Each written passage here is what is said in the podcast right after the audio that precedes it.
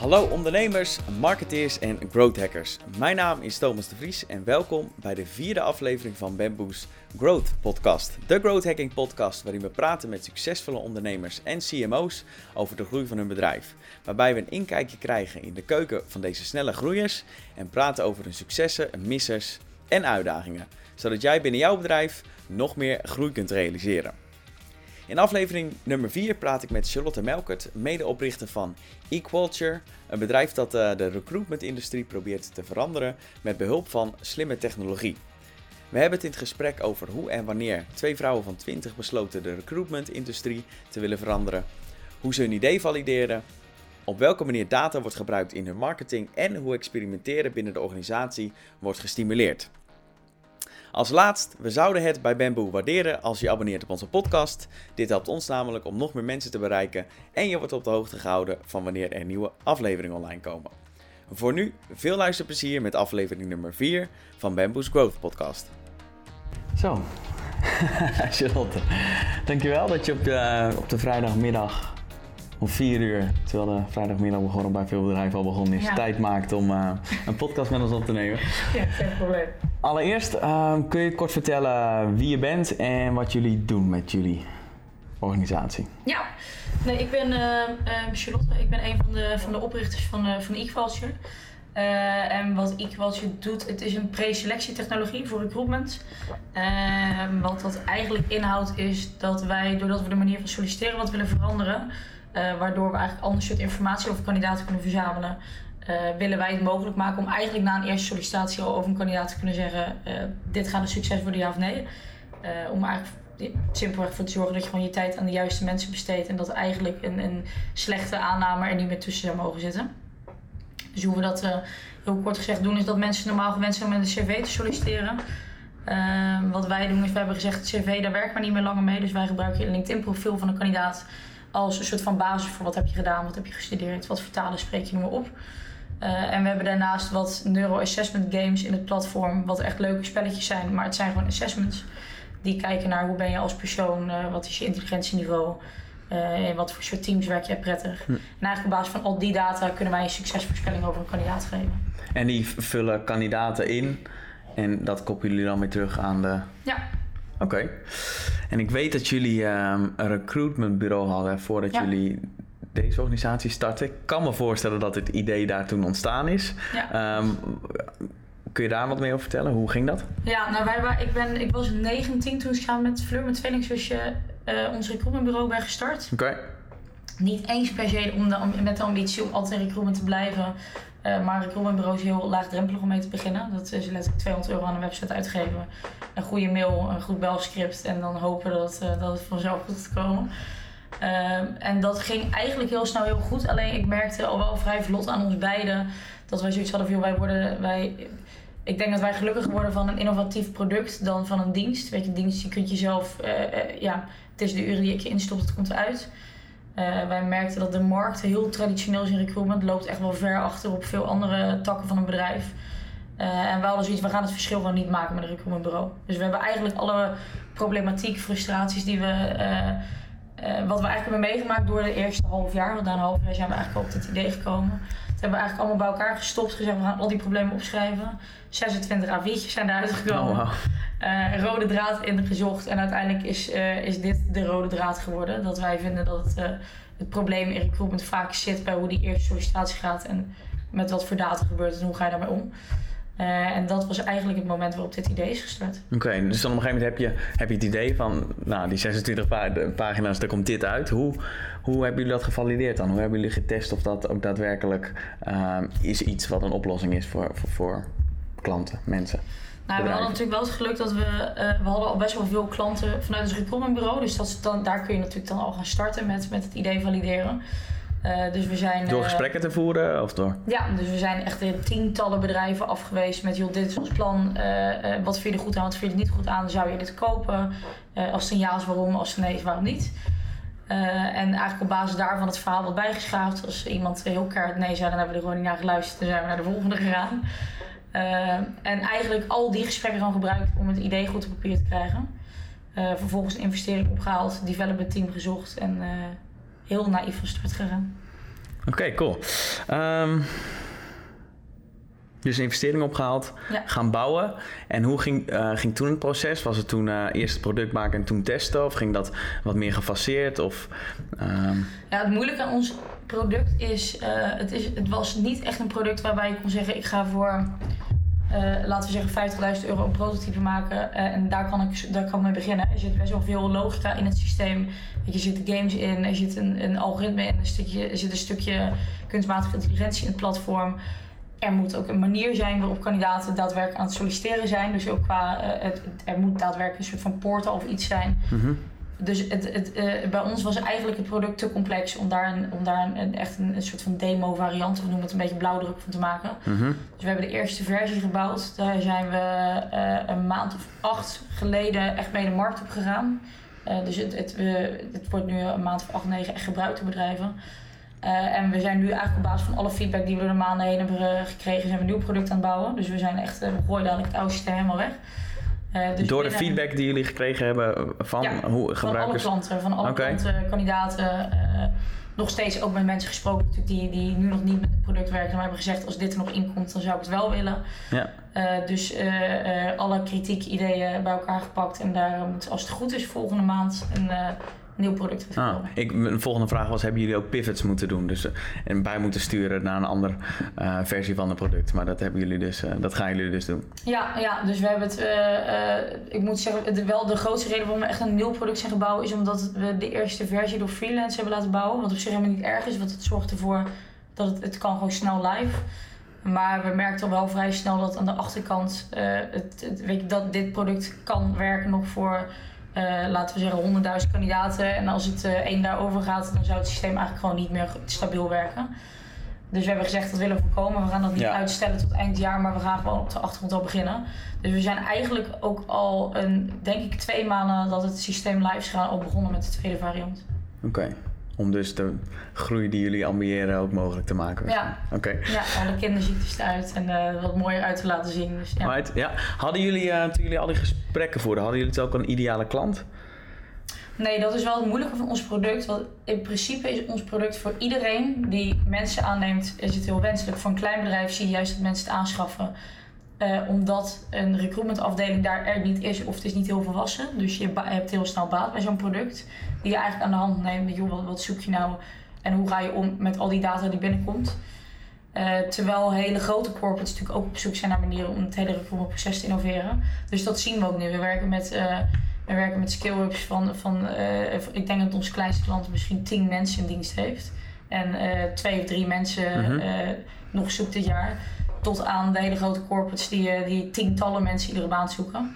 Dus dat is wel moeilijk. Het, het is een hele brede markt. En hebben jullie dat toen ook uh, bewust zo gedaan? Van nou, we, dit kan voor iedereen helpen, dus laten we ook iedereen uh, daarin als mogelijke potentiële klant zien? Of hadden jullie wel een groep waarvan jullie dachten, nou, dat zou wel, wel voor die mensen is de perfecte oplossing? Voor die organisatie is de beste oplossing? Ja, we zijn heel uh, bewust begonnen met echt meer de, de skill-markt. Uh, dus eigenlijk de eerste corporates gaan ook pas vanaf volgende maand op het nieuwe systeem draaien. Okay. Waarom skills? Uh, zijn vaak heel tech-heavy, dus je vindt het heel leuk om nieuwe producten uit te proberen. Uh, het is iets minder pijnlijk als er iets misgaat. Dat heb je gewoon met een, dat weet je als je met een start-up werkt. Er, weet je, er zal een keer iets misgaan met het product.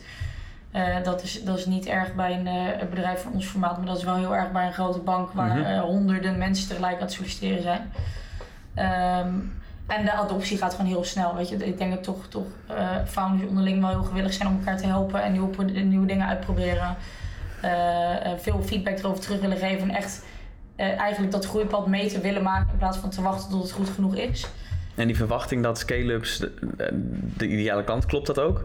Ja, vind ik okay. wel. Ik vind dat echt. Ik, ik, ja, ik denk dat dat altijd wel mijn favoriete klantgroep blijft. Vooral omdat je daar heel snel het resultaat zien van het product. Dus na twee weken kun je eigenlijk al zien van dit product helpt mij echt. Uh, en er komt super waardevolle feedback vanaf. Uh, en vaak spreek je dan ook nog eens met de mensen die, dat is dan meer voor mij persoonlijk, maar die een beetje in hetzelfde traject zitten of dezelfde weg hebben bewandeld. Ja. Uh, dus het contact is heel leuk met wat ja. kleine bedrijven. Hoe verzamelen je, wat voor feedback en hoe verzamelen, verzamelen jullie feedback?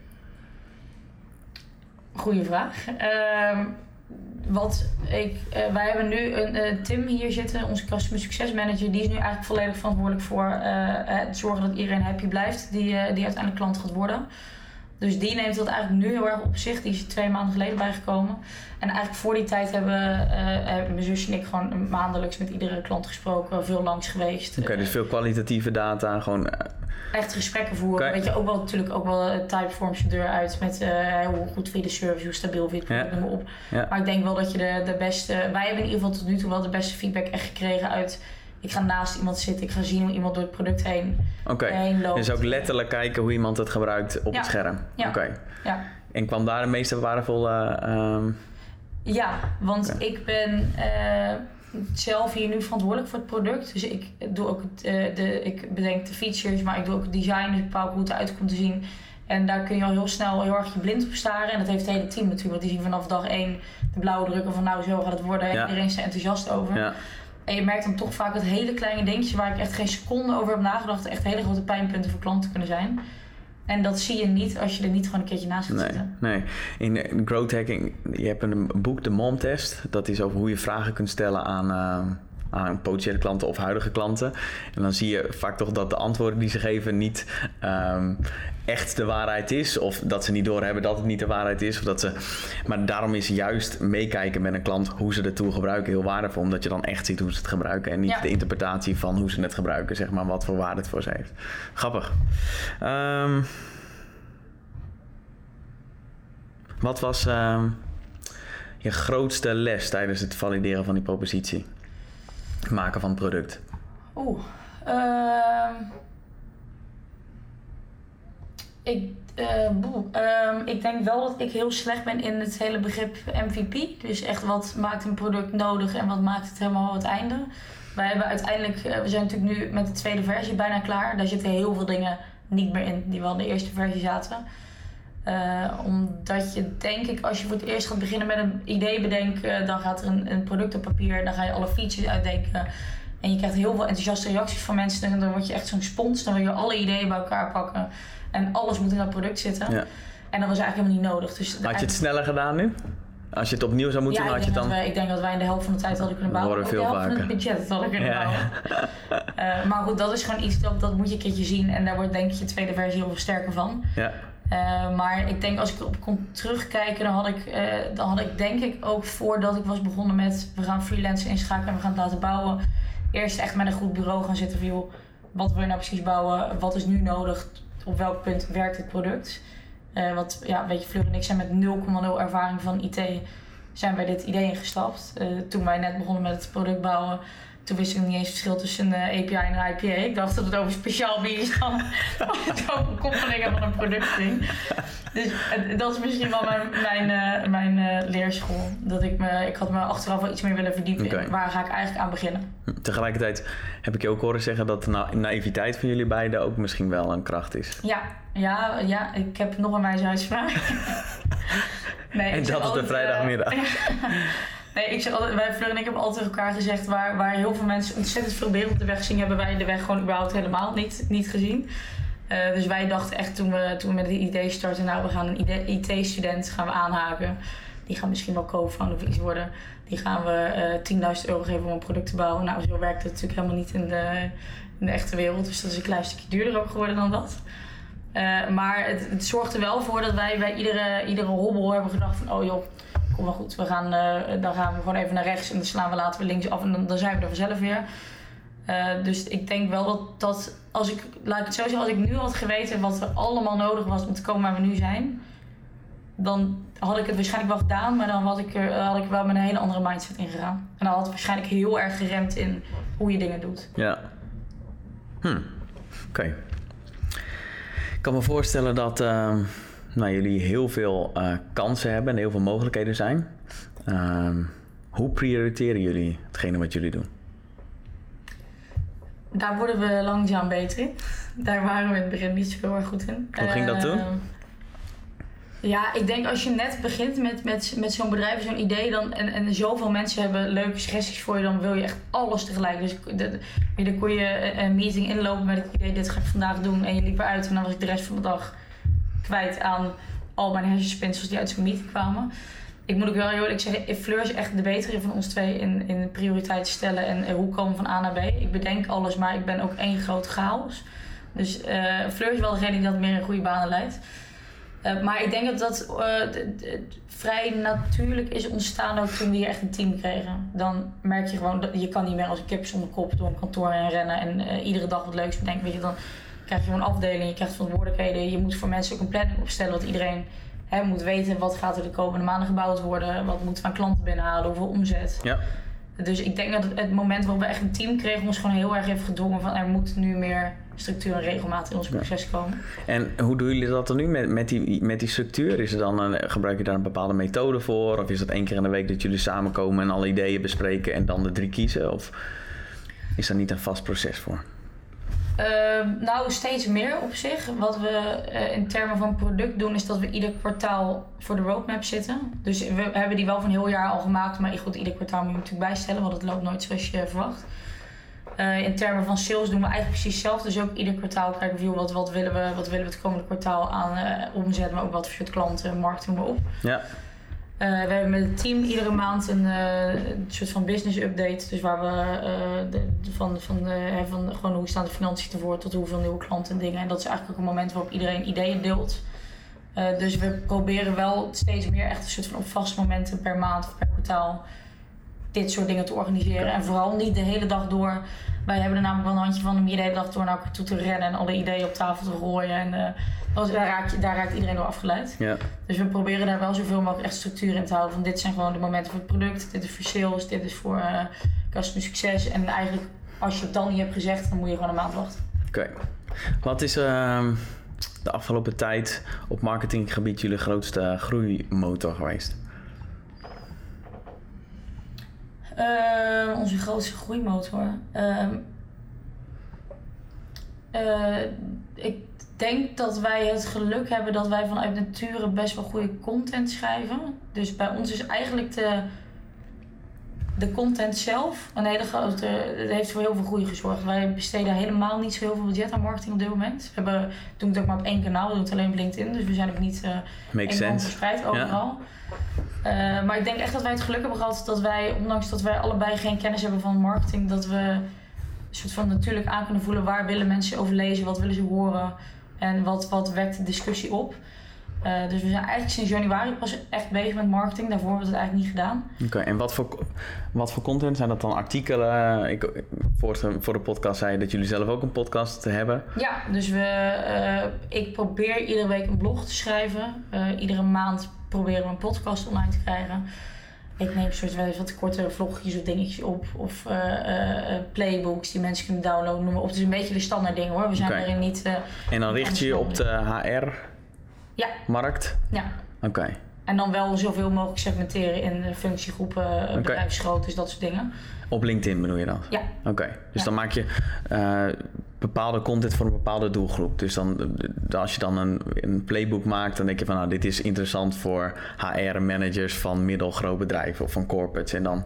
Ja, wat wij hebben gedaan, uh, met dank trouwens aan een marketingbureau die ons ermee volgen, die moet ik de credits hier verwerken. Okay. Uh, wij hebben eigenlijk in eind december gezegd, wij willen 2019 echt gaan gebruiken om de marketing op te gaan zetten. Dus wij zijn begin januari met ons marketingbureau gaan zitten. En die hebben eigenlijk ons geholpen met, oké, we gaan een contentkalender maken. We gaan... Uh, we hebben uh, in, in, Google Data Studio een heel dashboard gebouwd waarin we dus iedere dag kunnen zien van, wat hebben we al, nou al die blogs gedaan, uh, wat, wat is geconverteerd naar demo's. Dus we hebben dat best wel goed opgezet, dus daardoor is marketing heel meetbaar voor ons op dit moment. Okay. vanuit daar zijn wij, Fleur en ik, eigenlijk gaan bepalen van oké, wat voor soort. Wat, wat voor soort, ja, wij noemen het content interest. Dus wat voor verschillende invalshoeken zijn er voor onze klanten. Dus ja. de ene vindt de kwaliteit van de heel belangrijk, de andere vindt snelheid belangrijk, noem maar op. Is dat, heb je dat zelf verzonnen of heb je dat ook nog enigszins getest bij de doelgroep wat ze de beste, meest interessante content vinden? Nou, ik had nu heel erg ja willen zeggen op de test, maar dat is niet gebeurd. Oké. Nee, dat hebben we echt wel een beetje op goed geluk gedaan. Okay. Uh, maar we, uh, we, we zitten daar wel heel erg bovenop. Dus wordt iedere week wel over een andere categorie, in, binnen een andere categorie wordt content gemaakt. Uh, de verschillende categorieën worden ook onder verschillende doelgroepen uitgezet. Dus bij ons krijgt, volgens mij splitsen wij het nu in small, medium enterprise en corporate. Dus corporates krijgen andere content. content. Ja. het kleinere bedrijven krijgen. En dat zijn dan eh, enigszins ook betaalde campagnes, kan ik me voorstellen. Ja. Anders bereik je die mensen. Ja. Oké. Maar goed, wij zitten, eh, ja, wat ik zei, wij gebruiken alleen LinkedIn. En ik vind LinkedIn is voor ons echt een perfect kanaal. Want wij weten precies op wat voor functietitels en Ja. wat voor bedrijven. weet je, Dat is Ja, dus heel erg de afgebouwd. targetmogelijkheden zijn. En sowieso voor een B2B-propositie is LinkedIn gewoon wel echt het kanaal. Ja, want Facebook bijvoorbeeld hebben wij ook geprobeerd. En dat was echt, dat, ja, dat zou ik nooit meer aan beginnen. Dat Nee. heeft voor ons totaal niet gewerkt. Dat Nee. heeft eigenlijk alleen maar geld gekost. En LinkedIn, ja weet je, het is niet het meest goedkope kanaal. Maar voor ons is het... eh, wij zijn wel op het punt gekomen dat wij weten als wij deze maand eh, x, eh, x aantal duizend euro in marketing stoppen, dan gaat het over drie maanden dit bedrag opleveren. Oké, dus in die zin zo volledig heb je de funnel inzichtelijk dat je weet dat je er zoveel in stopt dat je er Ja. dan zoveel uit krijgt. Nou, klinkt goed. Ehm, zien jullie daar nog iets? Je zegt 2019 was het jaar of is het jaar dat jullie vooral in marketing gaan. Zie je daar een verschuiving in, in het, hoe jullie marketing doen? Of is het gewoon, jullie hebben die funnel gemaakt via LinkedIn en dat werkt nog steeds voor jullie? Ja, en wat we steeds eh, actiever proberen is wel ook echt meer met, met eh, eh, dat dashboard wat we natuurlijk hebben gebouwd, om echt daar steeds meer mee te doen. Van zoveel mogelijk data vanuit de website, LinkedIn, noem maar op. Google Data Studio Eh, zijn. Google Data Studio Ja. gebruiken we daarvoor. Dus daar kijk ik echt iedere dag op. Dus we hebben nu ook echt regels voor ingesteld van als een, eh, een post een, eh, een CTR bijvoorbeeld onder de 40% heeft, dan eh, gaat hij er meteen vanaf. Dan gaat er iets nieuws op. Ja, dus ook We daar. Een van mijn vragen was, mijn volgende, in hoeverre st- sturen jullie op data? Maar dat wordt dus heel bewust gedaan. Wij doen echt alles op data nu. Oké. Wij, ik, ik ben helemaal dol op van alles automatiseren en doen. Alles heel inzichtelijk maken. Dus wij doen echt alles met data. Ja. Zijn, wij hebben ook gewoon echt hele harde regels op de marketing. Van dit is het budget, dit zijn de, de KPI's. En als we hier boven zitten of onder, dan, dan stoppen we er ook gewoon gelijk mee voor die Ja, maand. ja, Dus daar zijn we wel heel streng. ja, grappig. Dat is waar veel bedrijven soms ehm, nou, een uitdaging mee hebben. Omdat ze dan content maken waar ze zelf heel verliefd op worden. En als het dan niet de juiste ehm, resultaten oplevert, dan is het moeilijk om daar dan te zeggen van nou, dit werkt gewoon niet. Maar jullie maken gewoon dingen en dan hebben jullie bepaalde benchmarks. Bijvoorbeeld een CTR onder de 4, 0,4. En als die eronder zit, zetten jullie het uit. En als het erboven zit, laat hij het gewoon aanstaan. Ja. Oké. Ja. Nou, klinkt goed. Vraag, ja, als ik te lang niet op mijn telefoon kijk, dan eh, ehm, gaat hij op zwart. Ehm, op marketinggebied en überhaupt wordt het gestimuleerd om te experimenteren? En zo ja, op welke manier? Ehm, nou, wat wij nu doen, maar dan moet ik wel zeggen, dat zit wel een beetje op het snijvlak van sales en marketing trouwens. Wij gebruiken sinds twee maanden een programma Autopilot. Je zult misschien kennen, weet ik niet. Het is een Nee, programma wat eh, eh, je koppelt het aan je sales systeem. Het zorgt er eigenlijk voor dat mensen geautomatiseerd benaderd worden, maar ook dat als je meetings met ze hebt, dat ze eh, wij sturen altijd vragen op voorafgaand aan een meeting. We willen ook altijd content blijven doorsturen. Ook al willen ze niet met ons werken. Als ze er toestemming voor geven, willen we gewoon de juiste dingen Via sturen. e-mail op elk bedoel je? Ja, Oké, e-mail. marketing automation toe. Eigenlijk marketing automation tool. Eh, daar doen we nu wel veel met A-B-testing. Dus wie krijgt welke mail, wat voor mails werken, we- werken wel, werken niet. Wat voor eh, type content interest, zeg maar, doet het voor ons goed en wat ook niet. Mhm. Dus daar A-B-testen mee. Als het gaat om de LinkedIn-advertentie, ben ik er heel eerlijk in, doen we dat echt helemaal niet. Nee. Testen ervan. Nee. Dus dan zet je er gewoon wat online en dan kijken jullie hoe het doet. En als het niet goed, dan Fingers zet je het uit. En soms eh, wordt de tekst een beetje aangepast op gevoel, maar daar wordt eigenlijk heel weinig met de A-B-testing gedaan. En wat maakt dat jullie dat niet doen?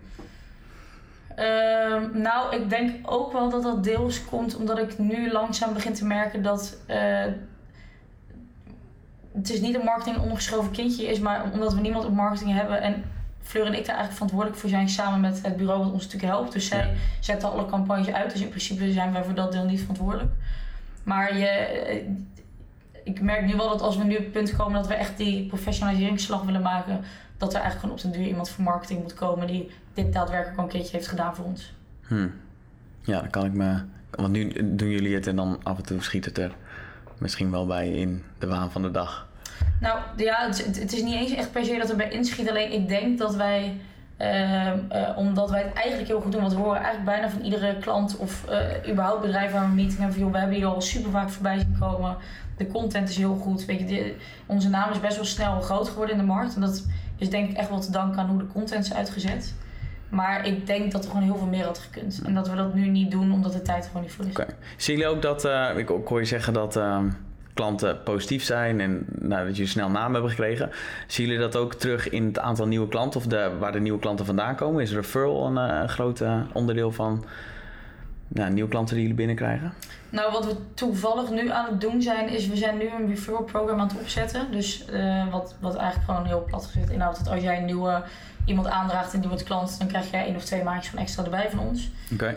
Uh, dus de meest simpele manier. We hebben dat eigenlijk daarvoor niet echt gedaan. Um, ik weet dat er wat klanten zijn die klant zijn geworden omdat ze, het, omdat ze via andere tip hebben gehad. Maar we hebben het nooit echt heel erg gemeten. Dus eigenlijk komt nu ook pas dat moment nu we een customer success manager hebben dat dit soort dingen ook gedaan kunnen gaan worden en dat we dat daadwerkelijk meetbaar kunnen gaan maken. Uh, maar ik moet zeggen, we hebben, dat, we hebben in de afgelopen periode niet altijd aan mensen gevraagd: hoe zijn jullie nou bij ons terechtgekomen? Is dat via is dat via een advertentie geweest of is dat via een, een goed woordje met iemand anders geweest?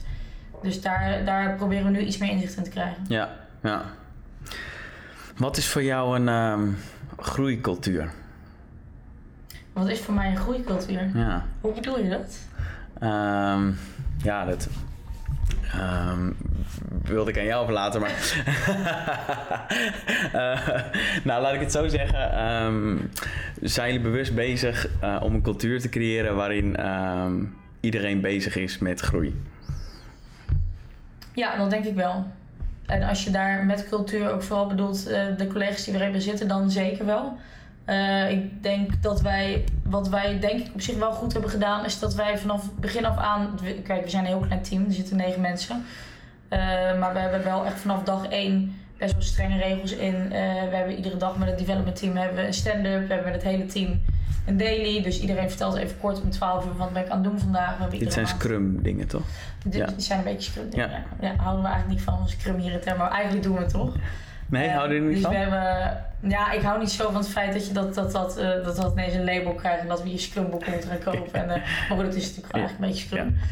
Ja. dus en werkt dat voor jullie? De... Ja, ik vind dat uh, met name het, uh, de, de daily die wij doen, dus iedere dag om 12 uur is dat eigenlijk gewoon heel kort. Iedereen die op kantoor is, komt even bij elkaar en in vijf minuutjes vertellen we wat we gisteren hebben gedaan en wat we vandaag gaan doen. En als er nog leuk nieuws bijvoorbeeld om te melden. Dat zorgt ervoor dat je heel veel, dat alle afdelingen heel erg met elkaar verbonden blijven. Want ook al klinkt een bedrijf met negen mensen heel klein, bij ons zit gewoon een development team achter een glazen deur, waar de deur vaak open staat, maar ook wel eens dicht, omdat zij helemaal gek van ons worden. Uh, als wij met het sales team uh, door de hele ruimte schieten. Dus ook in kleine teams krijg je natuurlijk al heel snel dat uh, development zich met het product bemoeit. Sales wil het gewoon verkopen. En customer success bungelt daar dan een beetje tussenin. Ja. en wij hebben gezegd dat willen we gewoon niet. Dus of wij nou een... Um, of ik nou bijvoorbeeld naar een potentiële klant toe ga of een van mijn developers, een van mijn developers gaat erheen. Het verhaal zou altijd hetzelfde moeten zijn. Iedereen zou evenveel moeten weten. Uh, en dat betekent dus ook dat als wij hard groeien en er gebeuren leuke dingen, dat iedereen dat meteen weet van hoe is dat gekomen. Uh, ook als het een minder leuke maand is, dat gebeurt natuurlijk ook wel eens. Uh, dan krijgt ook iedereen gewoon te horen, nou dit is omgezet, wij denken dat het hierdoor is gekomen. Hebben jullie enig idee? Dus ik denk dat wij wel door de manier waarop we iedereen heel erg betrokken houden bij alles wat er gebeurt, iedereen wel echt het idee heeft van nou, we zijn daadwerkelijk wel aan iets heel gaafs aan het bouwen okay. met z'n allen. Okay schoot me net een uh, vraag te binnen. Je zei dat nou, developers een ruimte hebben waar soms de deur uh, dicht zit omdat ze gek worden van marketing en sales. Is er een bewuste interactie tussen zowel marketing, sales en development? Jullie krijgen natuurlijk directe feedback uit de markt. Wordt dat ook teruggekoppeld aan development en wordt er ook bewust wat mee gedaan? Of is dat een niet iets bewust, gaat dat meer organisch? Um, nou, ik moet zeggen dat gaat nu iets bewuster, omdat. Uh, eigenlijk gewoon uh, heel simpelweg omdat het gewoon nu een team komt voor alles. Dus uh, waar je natuurlijk als founder in de eerste maanden alles bent, alles tegelijk en dan komt het toch wel bij iedereen terecht. ik krijg nu natuurlijk iemand daar gewoon een functie voor toegewezen en die gaat natuurlijk dat werk doen. Dus ik was eigenlijk totdat wij een customer success manager hadden, altijd wel degene die alle feedback doorspeelde. En, ik ben nog steeds, eigenlijk nu, ik heb nu de rol van product owner hier nu nog. Dus ik zal voorlopig ook wel een beetje de speel blijven van het team. Uh, maar je merkt wel dat dat nu gewoon veel gereguleerder gaat. Okay. Dus, uh, ieder, onze customer success manager krijgt gewoon één keer per maand een moment uh, waarop, nou in dit geval wij met elkaar gaan zitten om alle feedback door te spreken. Feedback gaat vanuit mij weer door naar het development team. we hebben toevallig eind van deze maand weer een soort van brainstormmiddag. Dus dat is op vrijdagmiddag. Gewoon lekker met een biertje erbij voor alle ideeën en mm -hmm. dingen die je hebt -hmm. gehoord. En Eh, dus op die manier proberen we wel voor te zorgen dat je een beetje de combinatie hebt van het moet natuurlijk gestructureerd gaan. Want het, het kan niet zo zijn dat eh, ik een idee heb en dat ik uh, opsta, uh, develop het hok in ren en zeg iedereen moet alles uit zijn handen laten vallen, want ik heb iets gehoord. Ja. Hoe, hoe um, um, bepaal je welke feedback wel waardevol is en waar je wel wat mee wil doen en welke feedback je niet waardevol vindt en waar je helemaal niks mee wil doen? Ik denk dat het bij ons altijd gewoon gaat, verteld aan één iemand anders en als die het ook vindt, dan gaan we het doen. En als iemand daar. Sorry, nog één keer? Ik, wat, wat ik meestal doe is als ik feedback hoor van klanten. Ja, misschien ben ik niet een eerlijk voorbeeld. Want ik denk dat dat een eerlijk voorbeeld is voor iemand die is komen werken. Oké. Okay. Um, als Tim feedback krijgt van iemand, uh, dan wordt het altijd wel naar iemand uit het team doorgecommuniceerd. En als meestal zijn er twee mensen zijn het er mee eens, dan, dan moeten we het gaan bespreken. En als één iemand een beetje begint te fondsen, volgens mij past het eigenlijk niet bij wat wij doen, dan zetten we het eigenlijk nooit door. Oké. Okay. Dus dat het een beetje anoniem is. Maar ik moet er wel heel eerlijk bij zeggen dat de feedback die we tot nu toe krijgen ook wel gewoon echt, de, de, goed is. Gewoon echt goed is. Ik bedoel, het is gewoon een heel jong product, dus er zit van alles in wat nog beter moet. Dus op dit moment is ook alle feedback die we krijgen ja. heel waardevol. Ja. Check. Van welke fout heb je het meeste geleerd? Oh. Uh, jeetje. Van welke fout heb ik het meest geleerd? Uh, ik denk dat ik wel het meest heb geleerd, maar ik weet niet se of dat een fout is, maar meer het bij mij heel lang heeft geduurd voordat het goed ging. Uh, is dat als je echt snel wil groeien als bedrijf zijn, je echt je handen op een moment van moet trekken. Ik ben echt uh, een enorme control freak. Begrijp ik eigenlijk niet dat mensen hier de eerste maand met plezier hebben gewerkt. Uh, maar ik had op een gegeven moment wel door, ik moet nu echt dingen los gaan laten. Want dit wordt echt vervelend voor iedereen dat ik overal op en in sta. En altijd via Slack op de hoogte wil zijn wat iedereen aan het doen is. En bij ideeën betrokken worden. En dat kan natuurlijk al heel snel remmen. Ik denk dat dat ook wel een beetje de klassieke fout is die heel veel founders maken. Om zoveel zelf te willen doen. Dat eigenlijk die, die zeg maar dat hockeystick effect nooit in je groei komt. Want dat kun je gewoon niet allemaal alleen doen. Ja, want om het hockeystick effect is volgens mij een exponentiële groei. Dus dat ja, het heel snel ja, heel hoog gaat. handgebaren bij. Ja, dat, nou, op zich op de video zie je het wel. Maar dat, daarvoor heb je dus gewoon andere mensen nodig. Want ja, in je eentje kun je dat nooit realiseren. Dat is wat je bedoelt te denken. Ja, weet je, het zou natuurlijk heel egoïstisch zijn als ik denk... nou, ik ben een uh, meisje van 23 en ik weet helemaal hoe ik een bedrijf van de grond krijg. In, op iedere mogelijke manier. Uh, en het, uh, als je zo'n bedrijf start, dan is het natuurlijk zo jouw project dat je, uh, je, je wil ook gewoon niet dat er iets misgaat, dus je zit overal op en in. En ik heb nu wel gezien dat nu het team groeit, dat er wel mensen zijn die ergens veel beter in zijn dat ik mijn handen er gewoon van af moet trekken. Maar ik denk wel dat dat iets is wat heel veel founders heel erg kan belemmeren in hun groei. Er altijd maar bij willen zijn. Hmm. Oké. Van welk um, succes leer je het meest? Uh, oh, dan vond ik eigenlijk wel uh, de fout uh, minder uh, erg dan het succes. Ehm, jeetje, van welk succes heb ik het meest geleerd? Ja, ik van denk welk succes wel ben je het meest trots op? Dat, ehm, dat ik denk dat heel veel mensen, er zijn niet eens zo heel veel mensen die tegen ons hebben gezegd, maar ik denk wel dat heel veel mensen dachten: oh god, die tweeling van in die tijd 20 die met 0,0 verstand van uh, nog nooit een bedrijf geleid, niks met IT te maken. Hoe halen die mensen het in hun hoofd om een IT-startup te gaan beginnen met een, met een product en developers te gaan zoeken, investeringen ophalen? Dat is natuurlijk, je haalt je echt wel heel veel op de dan in één keer.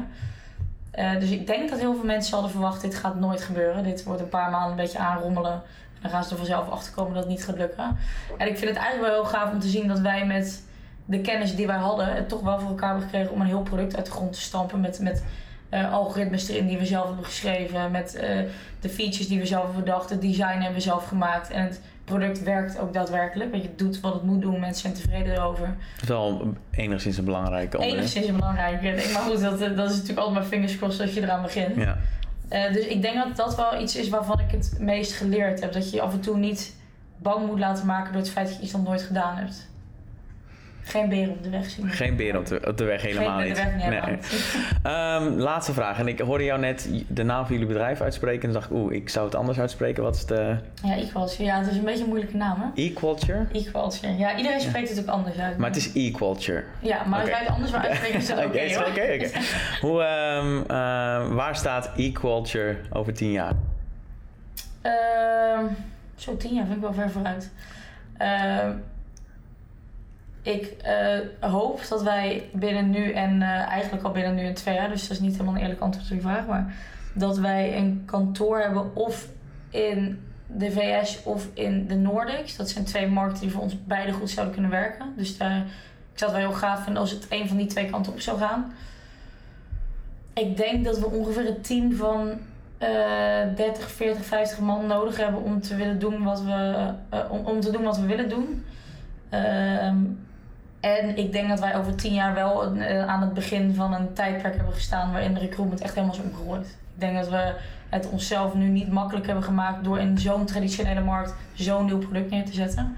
Maar ik denk dat het er wel voor gaat zorgen dat mensen over een paar jaar terugdenken en zoiets hadden van hé, hey, de, de, de manier hoe wij mensen aannemen is echt wel degelijk veranderd en zij waren daar wel gewoon als eerste bij. Dus die zou ik eigenlijk nog wel het belangrijkste vinden. Ja, nou, coole ambitie. Ja. Dankjewel voor je tijd. Ja, graag gedaan. Allereerst dankjewel voor het luisteren van de aflevering. Als laatst hebben we nog een mogelijkheid voor je, namelijk het downloaden van onze Growth Model Template handleiding. Het is een strategisch framework waarbij je in één brainstorm je gehele organisatie op het gebied van marketing in kaart kunt brengen. En met dit framework kun je vervolgens experimenten opzetten en direct starten met growth hacken. Je vindt een link in de show notes of ga naar bamboo.io slash gmt. Dat is B-A-M-M-B-O-O.io slash gmt. Mijn naam is Thomas de Vries, wij zijn Bamboe. Bedankt voor het luisteren en tot de volgende aflevering.